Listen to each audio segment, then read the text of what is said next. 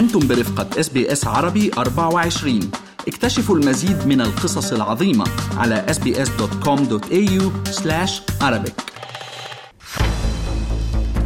من مراسلينا. أهلا بكم في رحلتنا الأسبوعية إلى العاصمة المصرية القاهرة.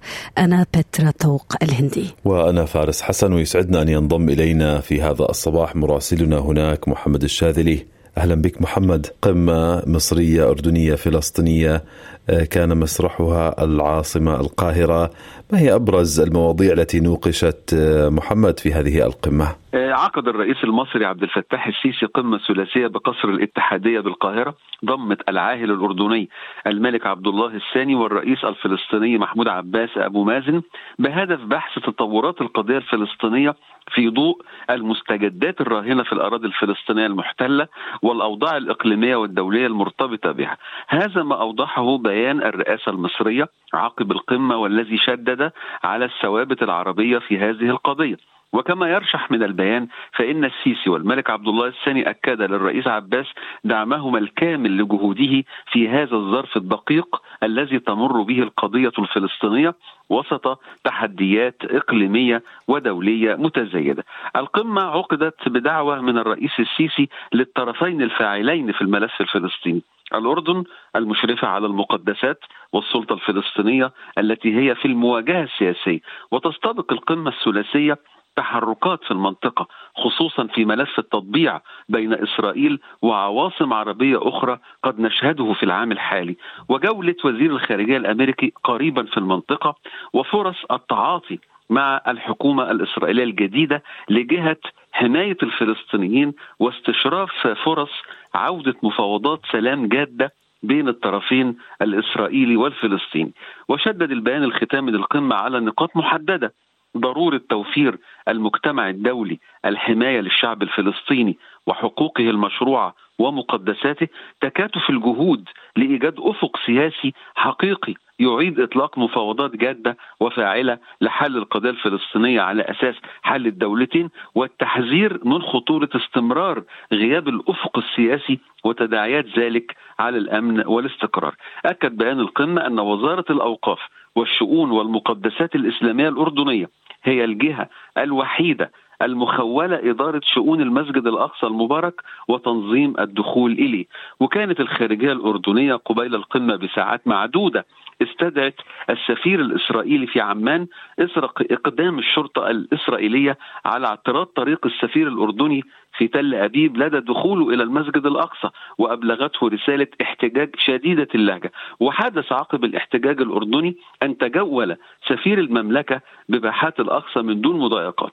وتشهد أبو ظبي عاصمة الإمارات اليوم الأربعاء قمة تجمع الرئيس السيسي والملك عبد الله الثاني مع قادة دول مجلس التعاون الخليجي الست لبحث التعاون المشترك. وقالت أبو ظبي إنه لقاء أخوي. ويرى المراقبون في القاهرة أن اللقاء سيركز على التنسيق السياسي في المرحلة المقبلة والتعاون الاقتصادي والاستثماري بين الدول أطراف اللقاء وربما تراها مصر فرصة سانحة للتوصل إلى تفاهمات اقتصادية في ظل التضخم الذي يعيش اقتصادها حاليا محمد دعنا نعرج على تداعيات الأزمة الاقتصادية الخانقة التي تتصاعد وسط مخاوف من رفع أسعار الوقود والدواء ومواكبة لارتفاع أسعار السلع الأخرى بعد هبوط الجنيه المصري، كيف يتبلور المشهد الداخلي اقتصاديا؟ حديث الأسعار يتصاعد في الشارع المصري بالذات مع ملامسة الدولار لسعر 30 جنيها في السوق الرسميه. آه، هناك ترقب لزيادة الأسعار على ألسنة الجميع بداية يترقب المصريون اجتماع لجنة التسعير التلقائي للمنتجات البترولية في الأيام القليلة المقبلة وهناك خشية من رفع سعر الوقود بسبب الزيادة غير المسبوقة في قيمة الدولار أمام الجنيه. وأوضح إعلاميون أن الاتجاه سيكون تثبيت الأسعار. وكانت اللجنة ثبتت أسعار الوقود مرتين متتاليتين وهي تجتمع أربع مرات في السنة. الخيارات صعبة في اجتماع لجنة التسعير هذا الشهر بعد ارتفاع الدولار.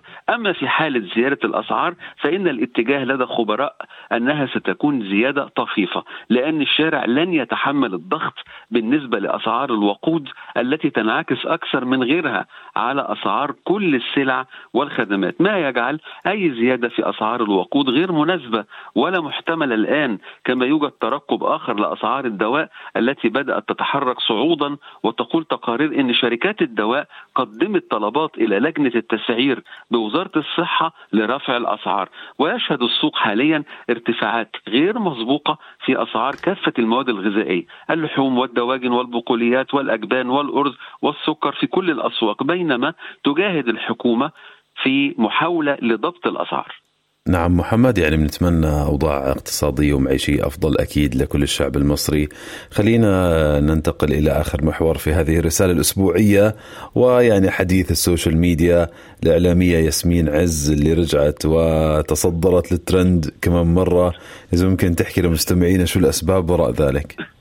دخلت الإعلامية ياسمين عز معركة مفتوحة قبل بضعة أشهر وحتى الآن لمناصرة الرجل بصورة رأتها النساء مبالغ فيها وقد تؤدي إلى جلب الإعلامية لساحات القضاء فقد قررت المدافعة عن حقوق المرأة المحامية نهاد أبو القمصان التقدم أو تقدمت بالفعل ببلاغ إلى النائب العام. كانت ياسمين عز تحدثت في برنامجها على قنوات إم بي سي التي تملكها السعودية رافضة تعليقات حول طبخ الزوجة وتربية الأولاد وطالبت الزوجات بعدم الاستماع إلى ما اعتبرته تسخين للستات وقالت إن نسب الطلاق زادت بسبب هذه النصائح التي تطلب من المرأة مقابلا أمام الطبخ ومقابلا أمام التربية وقالت ربوا عيالكم زي ما أمهاتكم ربتكم وما تخربوش بيتكم بإيديكم ونشالت الزوجات احرصي على زوجك خصوصا من صحباتك وإنه من واجبات الزوجة طاعة الزوج وأمه وأيدت ما تردد عن تقبيل المطربة أصالة ليد زوجها وقالت مش عيب ولا حرام.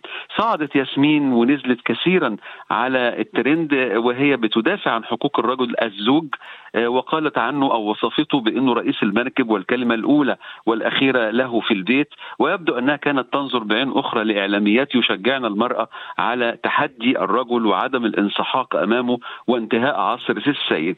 عز نصحت أيضا بلقاء الزوجة لزوجها ببهجة ومناداته عند اللقاء بالأستاذ أو بلقب يحبه وطبعا كثير من السيدات طبعا كرهوا هذا التوجه ورجال كثيرون حبوا هذا التوجه لكن المجلس القومي للمرأة قدم شكوى لإيقاف البرنامج حيث اعتبروه محتوى مسيء يمثل إهانة للمرأة وضد جهود تمكين المرأة.